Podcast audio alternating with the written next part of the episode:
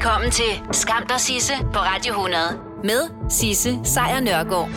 Ja, velkommen til. Det her, det er som bekendt bare en podcast. Hvis du vil høre The Real Deal, så er det hver dag 12-15. Men nu har jeg altså samlet det, som jeg synes, der er skamløst godt fra sidste uges program i en podcast til dig. Hey, det var så lidt. Og hvis der er nogen, der har givet op på, øh, på klimaet, så er det da i hvert fald verdensleder. Kæmpe bomber med klimaet, var. Her efter øh, weekendens øh, klimatopmøde, så virker det lidt som om, at den her nedtur, den fortsætter. Fordi det var de længste klimaforhandlinger, som FN nogensinde har haft gang i. Og selvom at de virkelig gav den gas, så endte det altså to uger lange klimatopmøde i Madrid i går med et, lad os bare kalde det et skuffende resultat. Blandt andet fordi man igen endte med at sende en af de helt store knaster om et nyt system for CO2-kvoter videre til næste år.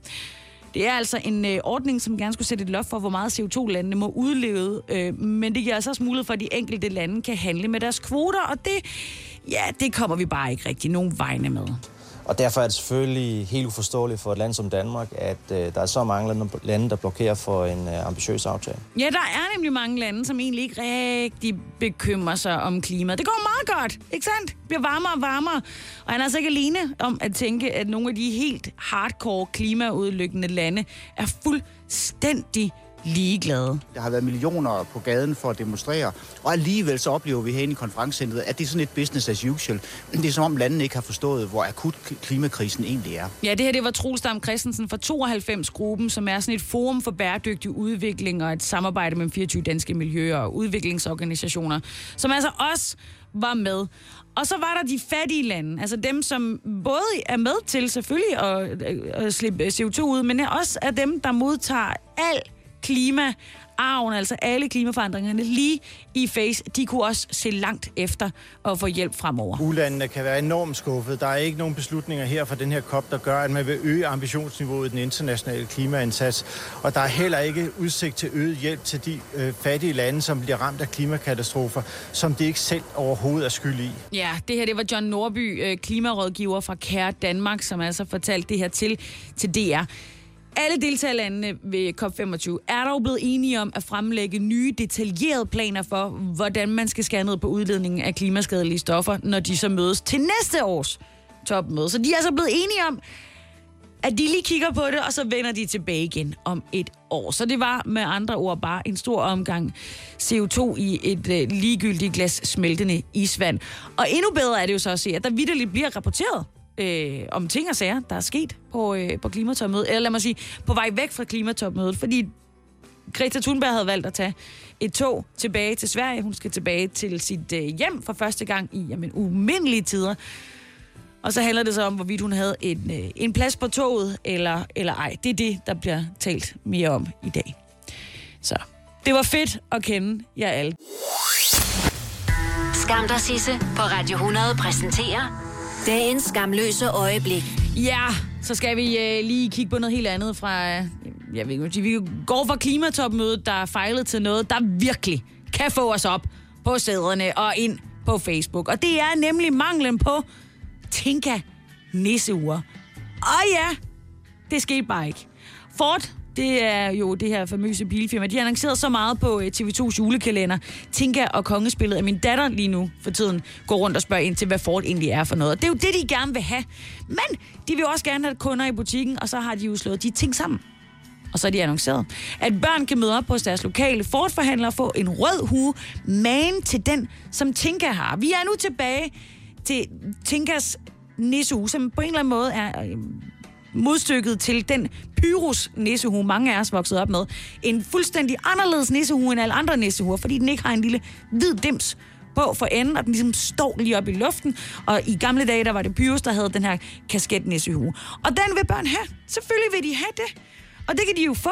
Simpelthen, de skal bare øh, komme ned i en forretning med en faglagt øh, indlægsseddel, der fylder med den her lovekalender, som man har haft. Øh, eller også så skal de have fået et hugekort i en pakke med Tinka-kort, som så også bliver udleveret i samarbejde med en her øh, lang bunke af forretninger. De kaster det efter en, hver gang man har købt for over 100 kroner. Man bliver ved med at sige, nej, jeg vil ikke have mere af det pap. Men gæt hvad? Ford havde slet ikke øh, forberedt sig på, at der ville være så mange børn, der havde tænkt sig, at de skulle have en hue. Der er rigtig mange børn, der er gået forgæves, eller deres forældre er gået forgæves med kort og tegninger, og de fleste Ford-forhandlere har altså været ude og sige, guys, vi har ikke flere huer. Og det har jo så fået forældre, bedsteforældre og øh, det lige op i det røde felt. Så lad være med at gå på Facebook, hvis du gerne vil have den fulde historie om, hvad folk de skriver i, i de her øjeblikke. Men i hvert fald så er der vrede. Øh, der bliver skrevet om øh, grædende børn, udsolgte huer. Ford, der havde lovet, at der var flere huer på vej, men så var der slet ikke flere huer, og det er udsolgt, og det, det er forfærdeligt. Ford har nok et eller andet sted været med til at ødelægge julen. Og også klimaet, nu vi er ved det. Vi kan lige så godt bare give dem skylden for det hele. Og så er det jo så der, hvor det går helt galt. Og det er jo nok for mest de øh, allermest desperate forældre. Der er jo en sidste udvej, og det er det sorte marked for nissehuer. Bedre kendt som Den Blå Avis. Fordi inde på Den Blå Avis, så er der nu flere personer, som har sat originale tinkahuer til salg. Og det er med en salgspris, der begynder på 150 øh, kroner, hvilket allerede er for meget, og, og op til omkring 500-600 kroner. Alt efter hvor desperat man er, så kan man i hvert fald få fingrene i den. Så nej, det bliver ikke jul i år. Tak for det, Ford. Jeg ved ikke, om du allerede har været ude og hente juletræet, eller du har planer om at gøre det i øh, den kommende uge. Det kan også være, at du er en af dem, som der siger nej tak til juletræer. Uanset hvad, så har Berlingske Tidene lavet et interview med Anders Kofod. Han er biolog, og derudover også øh, kendt fra øh, Godmorgen Danmark på øh, TV2, hvor han nogle gange gør os klogere på livet derude. Og det er fint nu. Det er fint, han gør det. Øh, indtil jeg læser om, hvad han har at sige om juletræerne, som han jo som både biolog, men også øh, far i øvrigt har et lidt dualistisk forhold til. Sådan skal det være.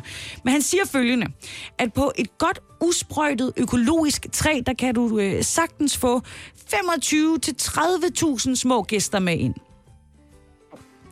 Det er alt fra æderkopper til det, der hedder små springhaler. Springhaler er et utroligt almindeligt dyr, som er overalt i jord og skov, og hvis du sætter foden ned et tilfældigt sted i en skov, så har du måske trådt på tusind springhaler på en gang. De er jo sindigt almindelige. Og de er altså også på juletræerne. Så sidder de der og gemmer sig imellem de grønne nåle, fordi det er lidt lunere der, og det er jo bare ekstra lunt i december. Og så er der bladlusene, som ifølge Anders Kofod er et helt julemirakel i sig selv. For ligesom med Jomfru Maria, så finder jomfrufødsler i stor stil sted blandt bladlus. Hunderne kan klone sig selv uden hjælp fra hanner. Og det er det, der er med på dit juletræ. Så om lidt, så skal du ud og rulle med Sisses slædesang. Skam dig, Sisse, på Radio 100 præsenterer Skamløse fornøjelser. Tid til at komme ud og rulle med øh, Sisses slædesang. Min øh, ultimative juleplayliste, som du jo kan nappe og bruge alt det, du vil. Så fald du er til julemusik, og du har Spotify. Den hedder bare Sisses slædesang. Og i dag, der skal vi have fat i en, øh, en dansk sang, men med en international poplyd. Vi skal nemlig have fat i vores helt egne Alphabet. Alphabet, som jo kom til verden i 2004 i Silkeborg, bilernes by selvom at den ikke kalder sig selv det længere. Og de begyndte jo egentlig under navnet Soda Star, inden de sådan for alvor øh, tog fart og kunne godt se, at de blev nødt til at have lidt mere catchy navn. Og det blev så til Alphabet. Øh, altså det ledende beat. Hvilket slår beta beat, kan man jo sige. Men det gik jo strålende for Alphabet. De blev øh, Danmarks helt store musikalske eksportsucces i øh, nullerne. Det gjorde de, da de tog øh, springet i 2007 og flyttede til London efter at have hittet med både Fascination og 10.000 Nights og alle mulige andet jazz, der kom fra, øh, fra deres debutalbum. Og vi kunne læse om dem ikke bare de danske, men også i de internationale sladderblade af deres eventyr med blandt andet Katy Perry, Who Kissed a Girl, som så viste sig at være Stine Bremsen. Og så var det vist egentlig ikke et kys overhovedet, men bare lige et øh, lynhurtigt... Øh, jeg kom lige tæt på, så jeg kan høre dig. Ikke desto mindre, de solgte over en million album, og der var singler og det hele, og, og de var alle steder. Men så gik den heller ikke længere for dem. Det her udlandseventyr, det blev øh, ja, begyndelsen til enden for Alphabet, og de trak altså stikket i 2012. Det er øh, seks medlemmer af bandet. Der er Anders Stig Gert Bendiksen, øh, også kendt som øh, Anders Eski. Der er jo øh, Stine Bremsen, Anders Bønlykke, Rasmus Nahl, Anders Reinholdt og Troels Hansen. Og seks mennesker, der skal udvikle sig i deres 20'er og lave musik og være kendte på samme tid. Det, det var bare meningen, at det skulle gå galt på et tidspunkt. Men noget af det sidste, de gjorde, inden de gik fra hinanden, det var at lave en julesingle. Nemlig den, der hedder Christmas Let's Do It Again. Og så var der lige pause i 6-7 år, For i år, der udkom der jo ny musik for bandet, som har genfundet hinanden, og ikke mindst den her klassiske alfabet-lyd, som jo er fuld fart glad popmusik. Og øh, det er jo lidt en gave at have øh, ny musik af. Også selvom, at det måske ikke er rettet til de yngste cool kids i byen bevares. Så øh, skriver de jo også øh, musik om, om lige præcis det ikke at ramme de yngste mere. Med blandt andet den, der hedder I Don't Know What's Cool Anymore. Men for os andre i 30'erne, som var med dengang, hvor Alpha Beat var det største, der fungerer den her nye musik u the mærket. Og det samme gør altså deres julehit, som altså også er blevet en af de øh, faste juleklassikere. Så her kommer den. Det er Alpha Beat med Christmas. Let's do it again.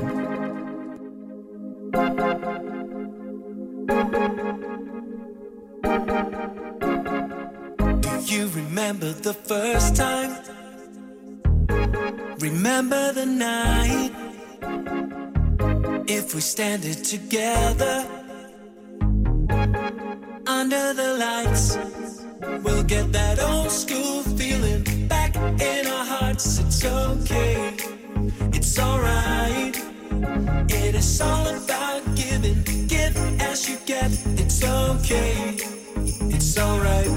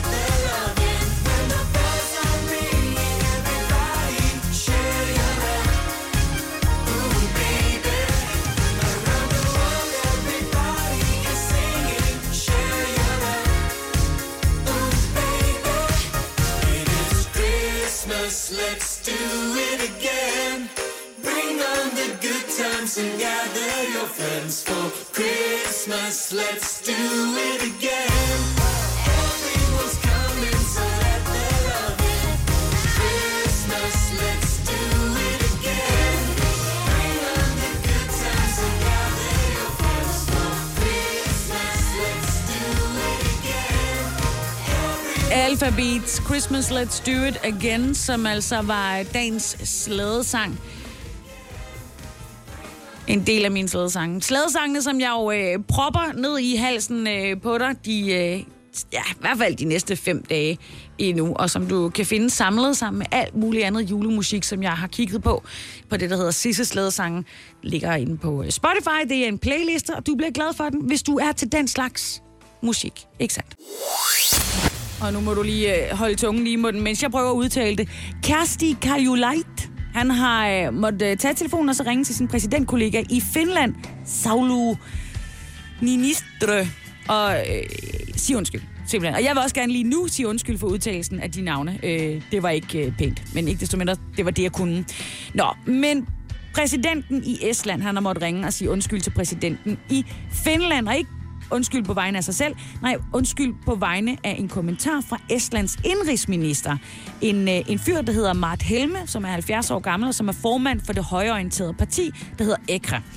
I et radioprogram, der omtalte altså indrigsministeren i Estland, nemlig den nye socialdemokratiske statsminister i Finland, nemlig 34-årige Sanna Marin, som en kassedame. Og lige lynhurtig info. I Finland, der leder statsministeren regeringen og udpeger regeringsminister. Finlands statsminister udnævnes af præsidenten og skal altså godkendes af Finlands rigsdag med et absolut øh, hvad hedder sådan en majoritet i en afstemning uden andre kandidater. Og det skete den 10. december i år for 34-årig Sanna Marin. Nå, tilbage til historien. Hun er nu statsminister, og hun står i spidsen for en regeringskoalition af fire partier, der alle er ledet af kvinder, og hvoraf tre ud af fire er under 35 år. Hvilket for en, der er som mig 36 år, til at stille mig spørgsmålet, om jeg egentlig har taget de rigtige valg her i livet. Ikke desto mindre. Den estiske, estiske indrigsminister, han sad altså i et radioprogram, og så sagde han, nu ser vi, hvordan en kassedame er blevet statsminister, og hvordan en eller anden gadeaktivist og uuddannet person er blevet medlem af regeringen. Ja, det var det, han sagde. Sanna Marin, hun har faktisk tidligere fortalt om, at hun er vokset op i en familie uden store midler, og at hun altså også en overgang har arbejdet som butiksassistent, inden hun begyndte på universitetet. Hun var også den første i sin familie, som tog en øh, gymnasiel uddannelse, og man kan sige, hun drog virkelig godt nytte af det, og hun har arbejdet sig til tops på forholdsvis kort tid. Da hun hørte den her udtalelse, der reagerede hun på Twitter. Ja, indirekte. Hun, øh, hun skrev i hvert fald, at hun var ekstremt stolt af at være øh, i fin- fra Finland, og at, af Finland generelt. Og hun skrev, at kan et barn fra en fattig familie få en uddannelse og opnå mange ting i sit liv? En salgsassistent kan da blive statsminister. Det må man jo sige ja til. Det er altså flot, og det er dejligt, at det går den vej. Apropos i øvrigt ligestillingsklasserne, som vi lige snakkede om for fem minutter siden. Nå, ikke desto mindre. Estlands indrigsminister Mart Helme, han har så været ude at sige efterfølgende, at han, det var ikke for at gøre nar. Og øh, han synes faktisk, at det var en form for anerkendelse, at det kunne lade sig gøre, at uuddannede og gadeaktivister kunne indtage regeringen. Men den her episode har altså også fået Estlands præsident til at ringe til sin finske præsidentkollega, vel og ikke statsministeren selv, men hendes chef, og har sagt undskyld. Og i Estland, der kræver oppositionen nu, at indrigsministeren, den 70-årige fuck up, øh, Mart Helme, han nu træder tilbage. Hvis ikke de ønsker, at der skal være en form for mistillidsafstemning i parlamentet. Så det kan man jo lære af det. Og også ligesom dengang, at en minister gav en af de fremtrædende politiske ordfører for enhedslisten øh, bud om, hun ikke lige ville hente en øh, kop kaffe til ham, inden de skulle debattere, debattere i studiet. Når du skal fra Sjælland til Jylland Eller omvendt, så er det Molslinjen, du skal med Kom, kom, kom, bado, kom, bado, kom, bado.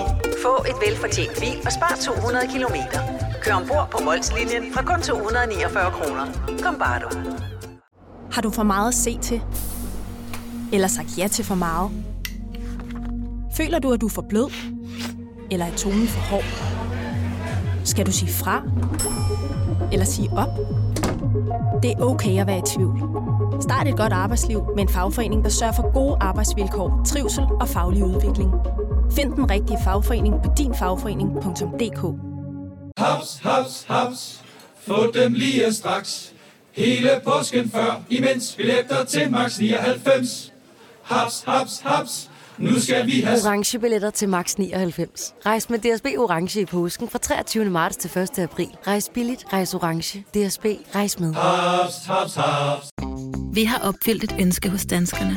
Nemlig at se den ikoniske tom skildpadde ret sammen med vores McFlurry. Det er da den bedste nyhed siden nogensinde. Prøv den lækre McFlurry tom skildpadde hos McDonald's. Det gør vi egentlig også her i øh, Danmark. Vi fortsætter bare øh, bagud. Og det gør vi altså i hvert fald, når det handler om den internationale kamp om ligestilling. Hvert år bliver der udgivet en ligestillingsrapport. Den kommer fra det, der hedder World Economic Forum, WEF. Og øh, der bliver vi så rangeret i, hvem der er rigtig gode til at have et ligestillet samfund. Mænd, kvinder, brune, gule, hvide, det hele. Hvor ligestillet er det? Og det går ikke godt i Danmark. Det gør det ikke. Sidste år der her havnede vi på en øh, 13. plads. I år der er vi røget yderligere ned af pladsen, nemlig helt ned til en 14. plads. Der er lande i Afrika, der er bedre end os til det her. Til gengæld er de skandinaviske naboer, som vi jo hænger ud med, virkelig gode til at være ligestillet. Island, Norge, Finland og Sverige, de ligger henholdsvis nummer 1, 2, 3 og 4. Og så burde vi jo ligge lige ved siden af, men det gør vi ikke.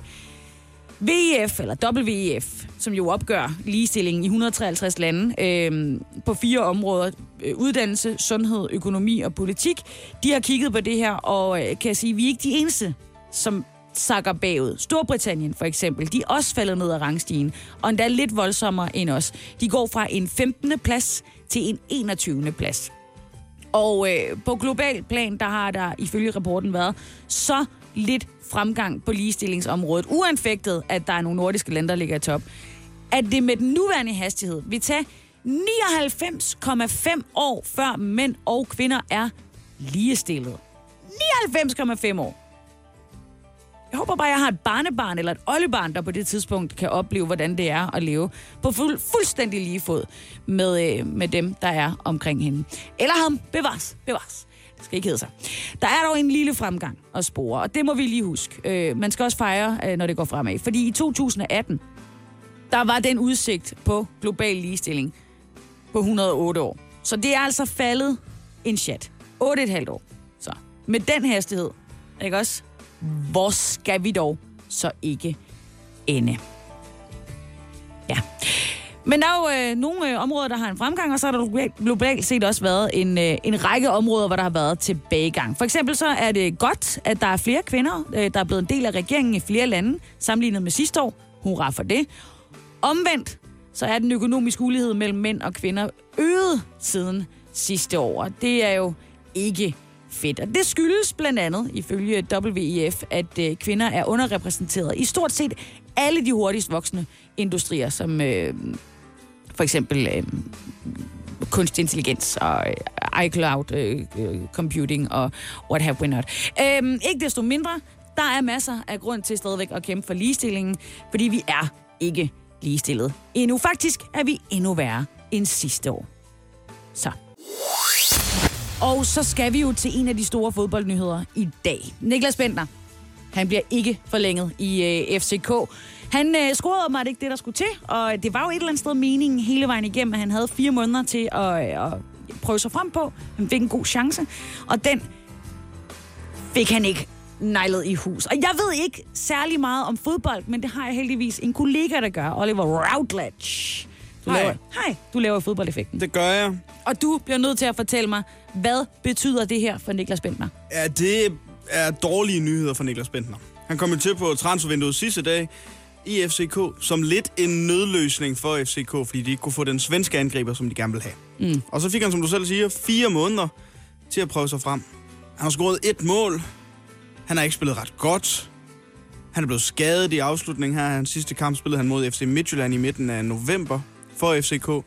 Og han har ikke gjort det godt nok. Men det her med, at der er jo et eller andet med Niklas Bentner. Han er jo nærmest en form for national klenodie. Man enten elsker ham, eller elsker at hade ham. Ja. Og han er jo øh, super aktuel med en gigantisk øh, prisvinder af en bog, skulle jeg til at sige. Eller i hvert fald selv er den bog. Det er den, der hedder øh, Begge Sider, som er skrevet med øh, journalisten Rune Skyrum. Hvordan kan man tage ham væk? Altså, der er vel folk, der kommer bare for at se Bentner. Ja, og altså, hypen om ham var jo kæmpestor, da han kom til FCK. Det er stadig den mest sælgende trøje, de har solgt nogensinde, altså 32 Bentner. Øh, når du tager ham ud af FCK, jamen det betyder egentlig ikke så meget for FCK, det sportslige for dem. Jo, der er nogle trøjesalg, som der ikke bliver solgt til jul, eller nogen, der bliver skuffet over, de har noget, der har købt en trøje med Bentner. Men det sportslige FCK, det fjerner ingenting, for han har ikke præsteret noget øh, nævnværdigt for dem overhovedet. Og nu kan jeg så læse, at han overvejer simpelthen at stoppe fodboldkarrieren. Ja. Hvad tror du som fodboldekspert? Det må jeg godt kalde dig. Mm. Hvad tænker du, der kommer til at være øh, 2020 for Bentner? Hvad, hvad tror du, vi kommer til at se? Jeg er stadig meget ambivalent med det, fordi jeg, jeg tror også, at Bentner kommer til at stoppe karrieren, men jeg synes godt nok, det er en ærgerlig måde at stoppe karrieren på i, med et fejlet ophold i FCK, som var det skifte, man har troet kom til at ske meget længe, og så skete det, og så kom der bare ingenting ud af det.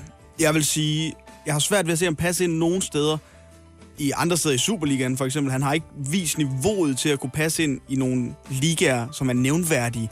Altså, så skal han tage til Kina og afslutte sin karriere der og tjene en masse penge. Eller øhm, MLS i USA. Det kan han også gøre, men det vil ikke være den afsked, som Niklas Bender har fortjent, for han har leveret på et flot niveau. Ikke bare for klubber, men også for det danske landshold specielt igennem mange år.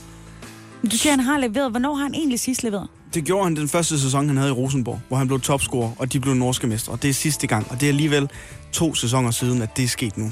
Så faldt han ud af, af ja, blev ikke populær i Rosenborg, og det lykkedes ikke i FCK. Så jeg tror, at Niklas Bentner indstiller karrieren nu. Og hvad der så skal ske, det ved jeg. Han har jo startet sådan et imperium uden for fodbold med noget champagne og vin og alt muligt. Om det er, det, det er den vej, han skal gå, det ved jeg ikke. Men jeg synes, det er en, hvis det er, at vi har set Niklas Bentner på fodboldbanen for sidste gang, en meget ærgerlig afslutning for Bentner. Ew. Så slukkede musikken også. Skam dig, Sisse på Radio 100 præsenterer Skamløse fornøjelser. Men vi laver heldigvis også rigtig god musik i 2019, og det er også i 2019, ja det er faktisk i november 2019, at vi finder dagens udgave af Sisses slædesangen. I dag, der tager vi hul på en bare øh, få uger gammel sang, som allerede nu har øh, lagt sig i scenen til at blive en ægte klassiker. Og bag den her sang, der har vi altså en kvinde, som har hørt Tim Vladimir sige det her mange gange. Klar, parat, bag. Ja, vi skal nemlig have fat i Jasmine Gabay, som altså har øh, bagt sig ind i alles hjerter, da vi lærte hende at kende i den store bagdyst sidste år. Og øh, hvis du troede, det nu skulle handle lidt om bagværk, så tager du fejl, fordi det er ikke det eneste, som øh, Jasmine hun øh, gebærder sig i. Hun var for eksempel også med i Dansk Melodi Grand Prix her tidligere i år. Oh,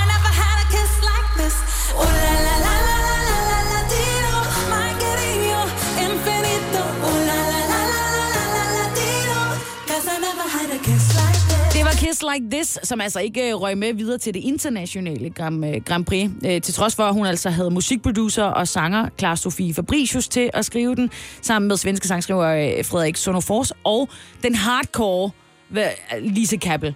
Lise Kappel, som har deltaget 12 gange som sangskriver ved Grand Prix, og derfor også har vundet en del gange, fire gange. Første gang var til... I 1995, da der var fra Mols til Skagen, og i øh, 2011 med Friend in London med New Tomorrow, og hun øh, nejlede den jo også øh, i 2013, hvor hun tog den helt til tops med Emily DeForest med den, der hed Only Teardrops, hvorefter vi fik hele det internationale moras, skulle jeg til at kalde det, Eurovision til Danmark. Og så vandt hun i øvrigt også i år med Leonoras øh, Love is Forever, som jo heller ikke kom sådan, altså, voldsomt meget ud over øh, scenen. Det må vi, det må vi sgu erkende. Sådan er det.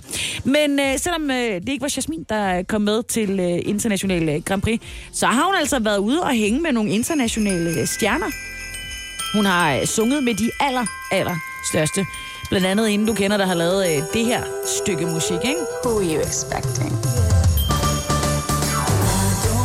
Det der, det er selvfølgelig Mariah Carey. Og hun spillede jo Royal Arena sidste år.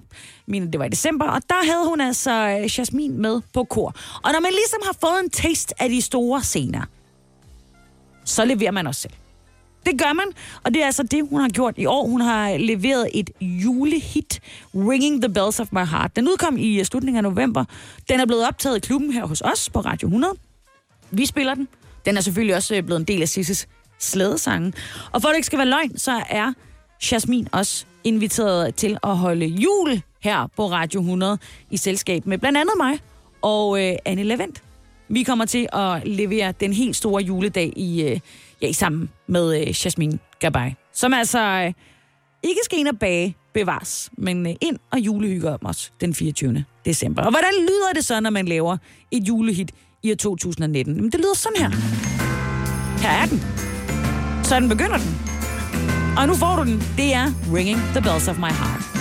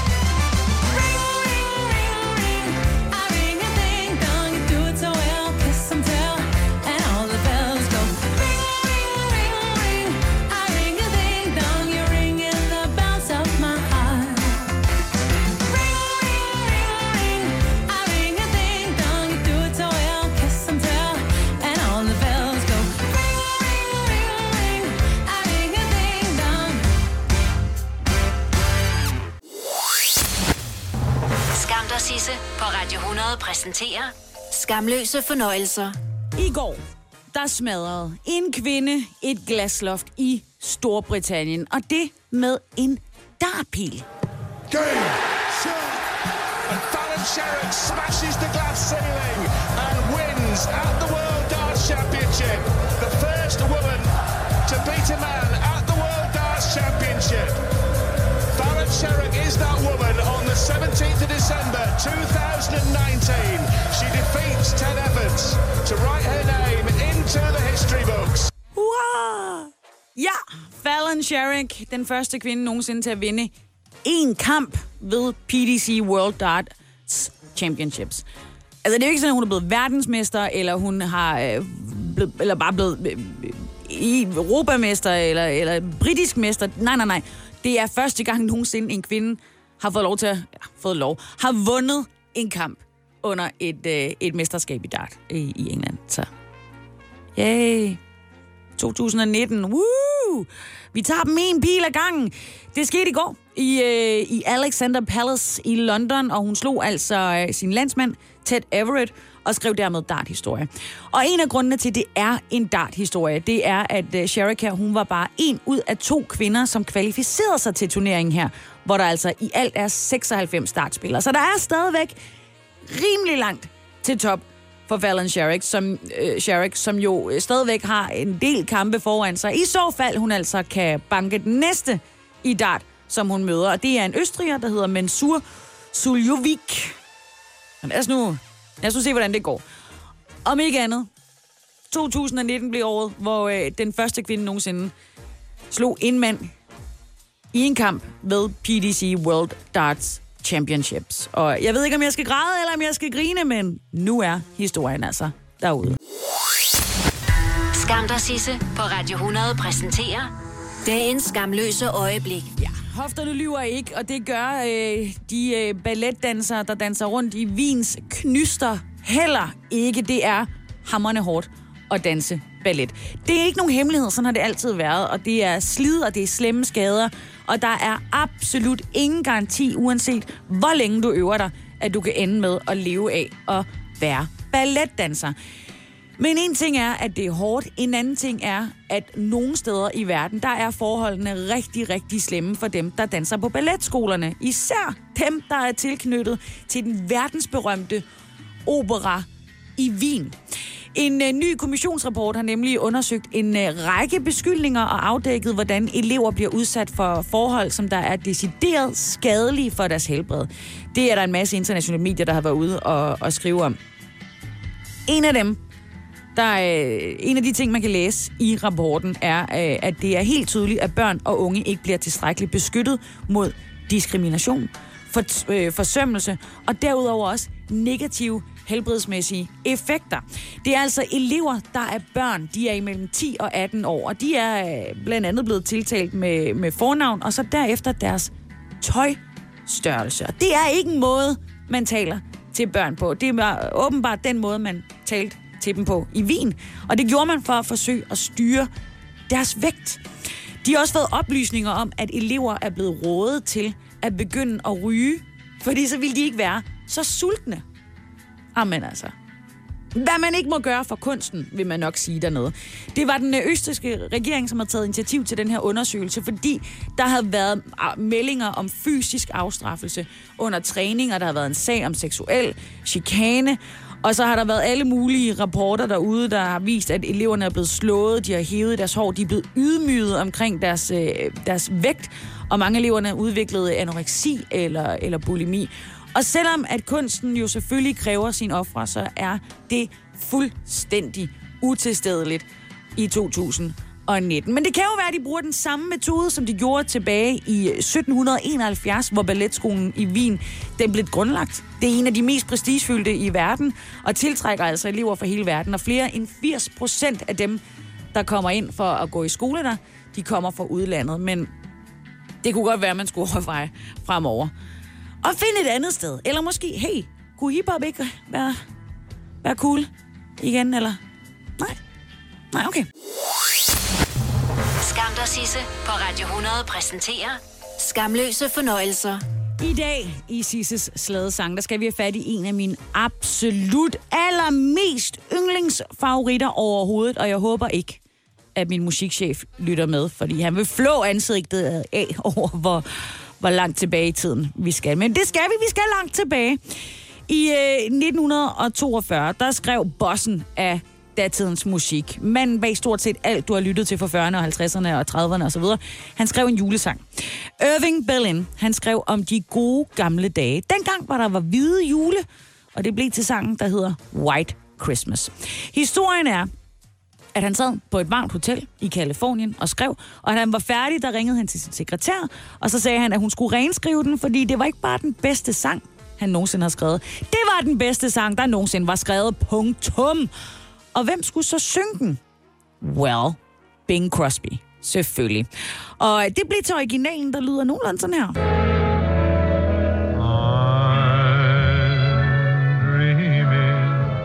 of a white Christmas.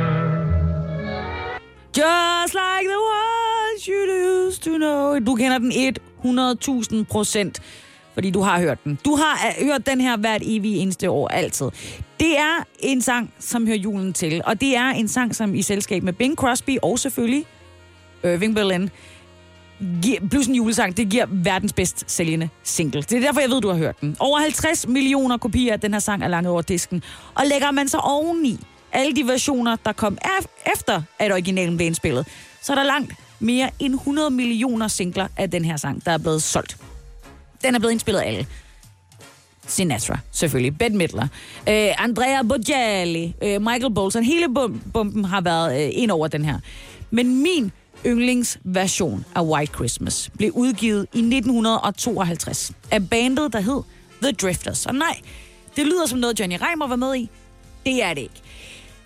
De skulle vise deres styrke frem. Øh, de vil gerne øh, sætte sig selv på øh, det musiske lydtapet og øh, blive hængende, og det gjorde de i den grad, da deres øh, forsanger Clyde McFadder, tror jeg han blev udtalt, og, øh, og, og bassen i, øh, i deres lille øh, øh gruppe, Phil, Bill øh, Pinkley, de begyndte at spille muskler til White Christmas. Og jeg elsker deres version til hudløshed. Måske fordi den også blev brugt, og måske kom lidt tilbage igen i Alene Hjemmefilmene, som jo minder mig om min barndom, men også med den her musik har en snært af noget, der er ældre og større end mig. Så her er dagens slædesang, og please ikke sige noget til min chef, for jeg må ikke spille noget, der er så gammelt. Men dagens slædesang, The Drifters med White Christmas.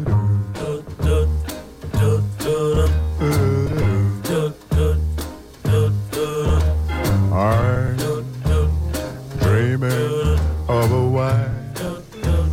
Christmas, just like the ones I used to know,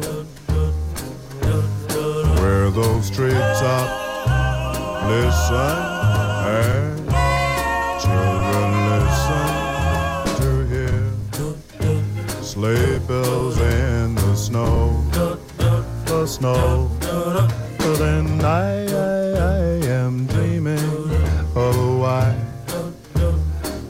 Christmas with every Christmas card I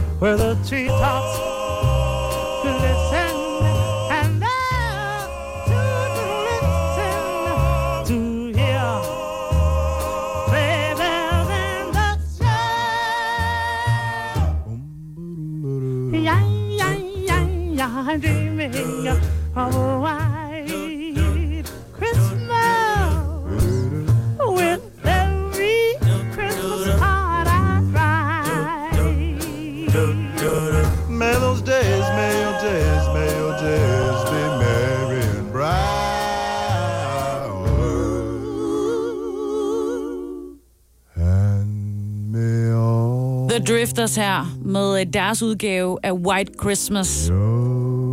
Som den lyder i dag.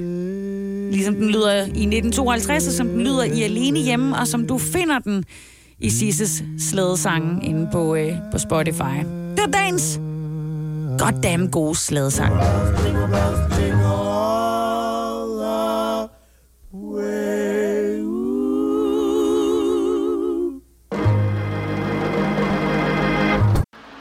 Her kommer en nyhed fra Hyundai.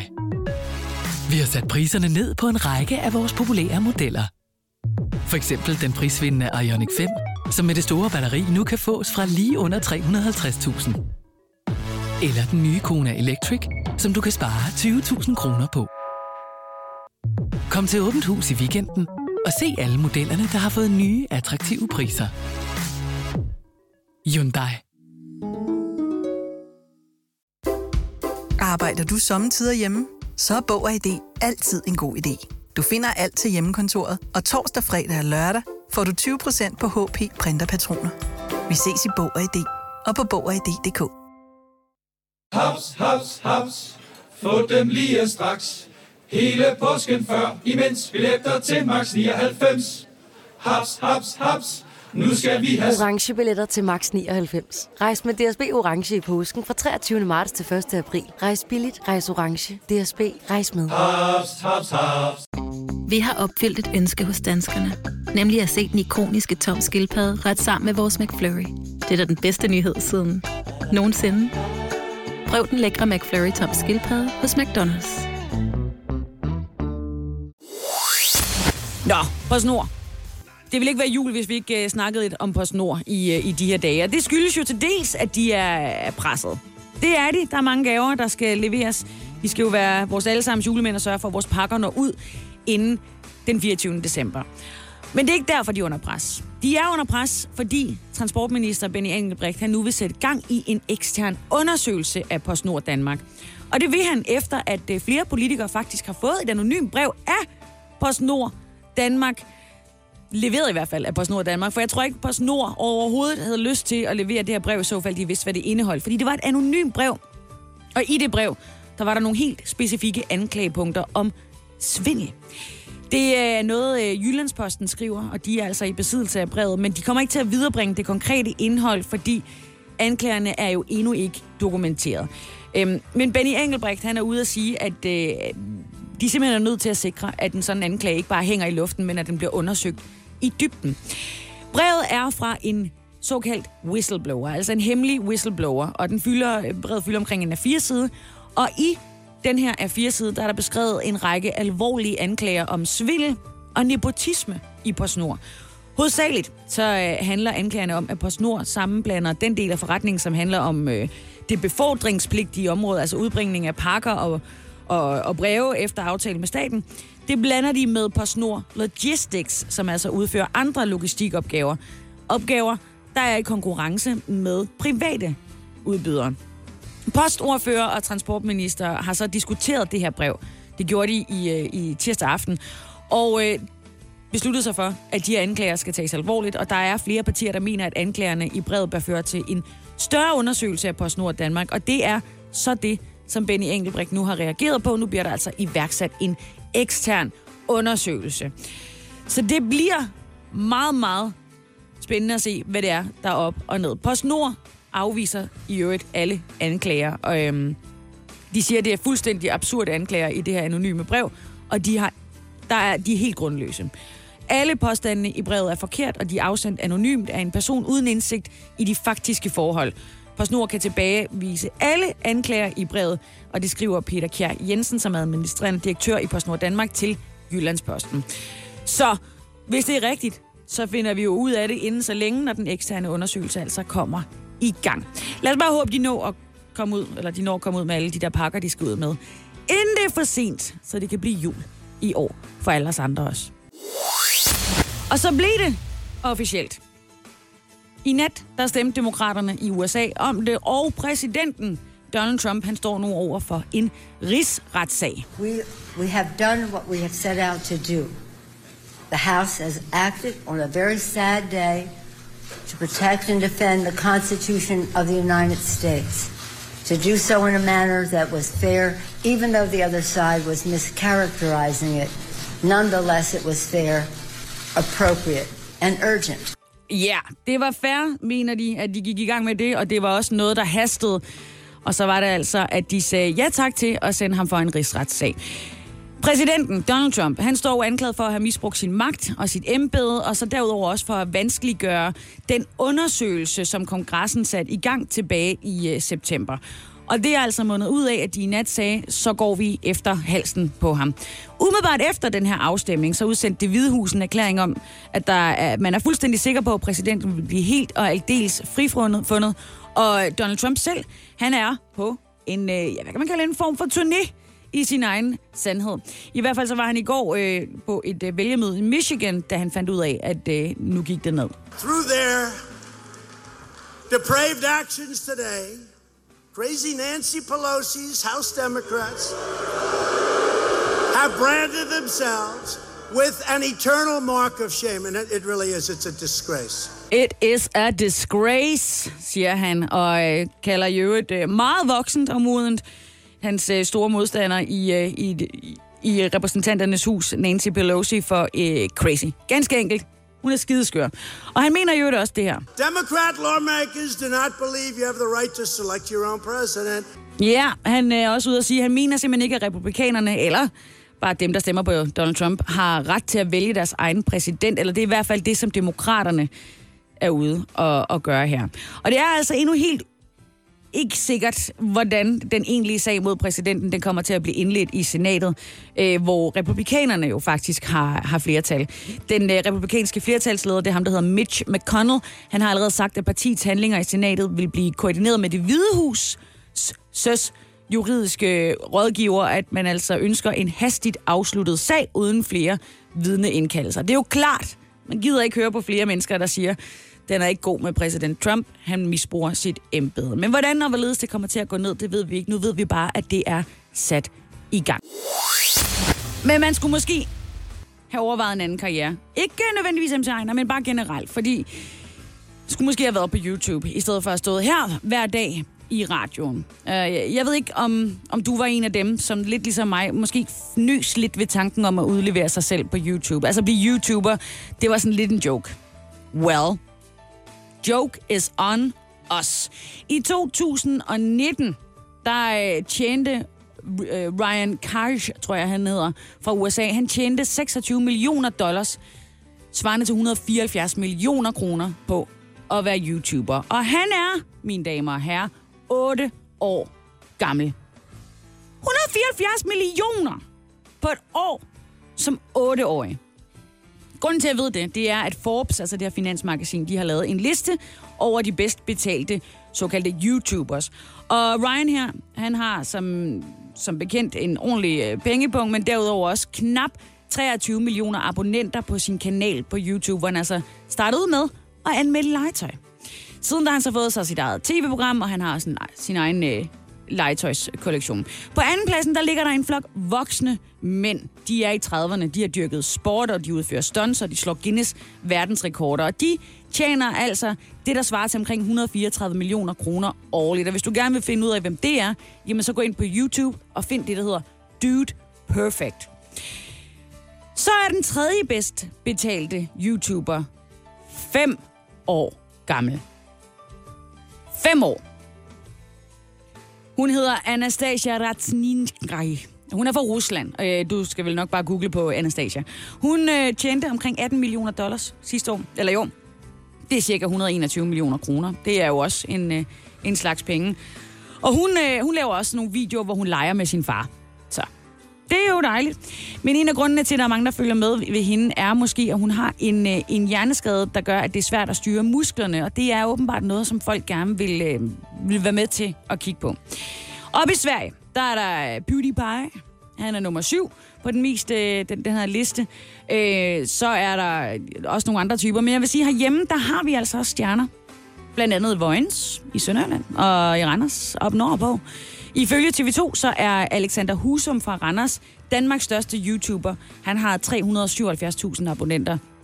Og han laver sådan nogle pranks i sine videoer, hvor han gør grin med sig selv og sine venner, eller tager imod udfordringer.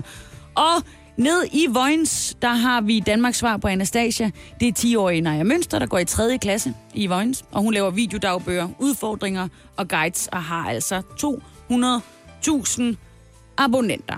Så, joke is on us. Du kan godt finde kameraet frem. Jeg tror, jeg tror godt, at du ved, hvad du skal lave i julen.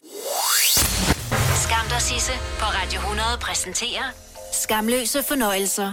Ja, så skal vi altså til det sidste slædesang for i år. Jeg har jo øh, dagligt, i hvert fald alle de gange, jeg har sendt her i øh, december måned, taget en, øh, en slædesang med til dig.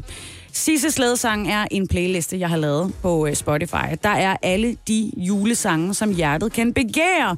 Og hver evig eneste dag herop til decembers øh, slutning, om man vil, der har jeg altså gået dybden med en af de her sange, som, øh, som vi juler om og juler med, men måske ikke kender historien om. Og i dag er ikke anderledes. Vi skal faktisk, øh, vi skal faktisk tilbage til 1944. Det er en sang, jeg før har talt om i programmet. Øhm, I 44 der skrev den amerikanske sangskriver, han hedder Frank Loza. Han skrev øh, lidt af en ørehænger. Baby, it's cold outside. Baby, It's Cold Outside. Og den har vi jo hørt med forskellige kunstnere. Gaga, Tom Jones, øh, Bublé, øh, Dean Martin og mange, mange, mange flere. Og i år, der skulle vi så høre den igen. Men i en ny og omskrevet 2019-version med ingen anden end John Legend og Kelly Clarkson.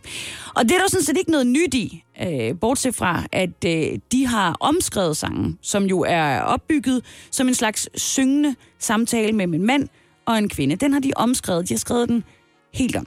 Især en passage i uh, Baby It's Cold Outside blev øh, i julen sidste år udsat for ret hæftig kritik. Det fik en radiokanal i Ohio, det er i USA, til at bandlyse den her uh, juleklassiker for deres kanal. Og så var der faktisk en del andre radiostationer, der fulgte efter. Der er nemlig en passage i Baby It's Cold Outside, som siger, Say what's in the drink, no caps to be had out there. Og det kunne ifølge kritikerne referere til en form for drug rape, altså der hvor gerningsmanden han putter narkotika i off... Eller øh, en eller anden form for middel. Jeg ved ikke, hvad det er. Nu siger jeg narkotika, I mangler bedre ord. Og, øh, og putter det så i offerets drink, for så gør vedkommende til et, øh, et lettere offer, og det fører så til voldtægt. Øhm, andre så det jo som en historie om en mand, som presser en kvinde til at tilbringe natten sammen med ham, selvom hun ikke har lyst. Og der var en radiovært, Glenn Anderson fra en radiostation, der hedder Star 102, som bandlyste sangen. Øh, og, og som så sidste år sagde, at selv om sangen var skrevet i en anden æra, så føltes teksten manipulerende og forkert. Så her er altså den gamle passage. Say what's in the drink, no caps to be had out there. Og den er så blevet i den nye sang lavet om til What will my uh, friends think? I think they should rejoice. Og If I had one more drink, it's your body, your choice. Det er altså en, en, den nye version, og det er John Legend, der har lavet den. Han har lavet den på sit øh, julealbum, der hedder A Legendary Christmas. Og er den sang fra 1944, nu er nødvendig at lave op til en 2019-version. Det overrasker vel ikke nogen mennesker i år 2019. Og sådan er det jo bare. Og jeg ser det ikke som en skam, jeg ser det bare som mere af det gode. Og her er så den politisk korrekte version af Baby It's Cold Outside af Kelly Clarkson og John Legend.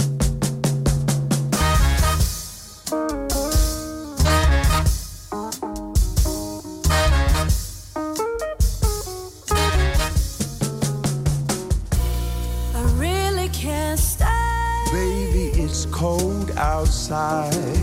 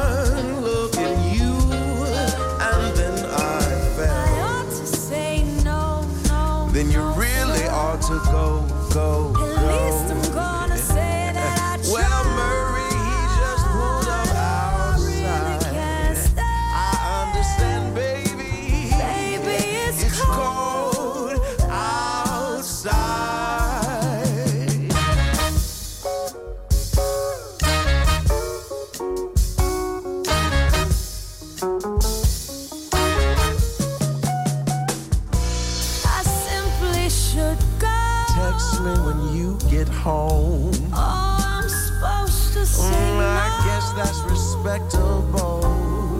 This welcome has been I feel lucky that you dropped in. But you better go before it storms. sister will be suspicious. Well, gosh, your lips look delicious. My brother will be there Oh, the he door. loves my music, baby, I'm My sure. What your wish Maybe is. just a Oh, that's something we should probably explore. Got to get home. Oh, baby, I'm well aware. Say, lend me a call. Oh, keep it, girl, I don't care. You've really been great. I feel when you touch my hand. You see, I want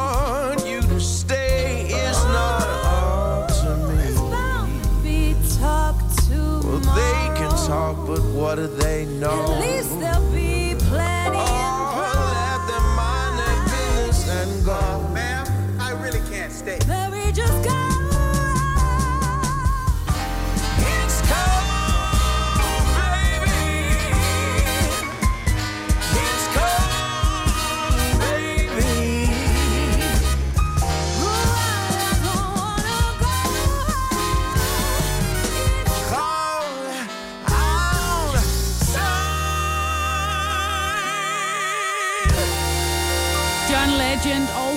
Clarkson på øh, 2019-versionen af Baby It's Cold Outside. Og ja, selvom ting kan blive politisk korrekte, så lyder de stadigvæk sweet.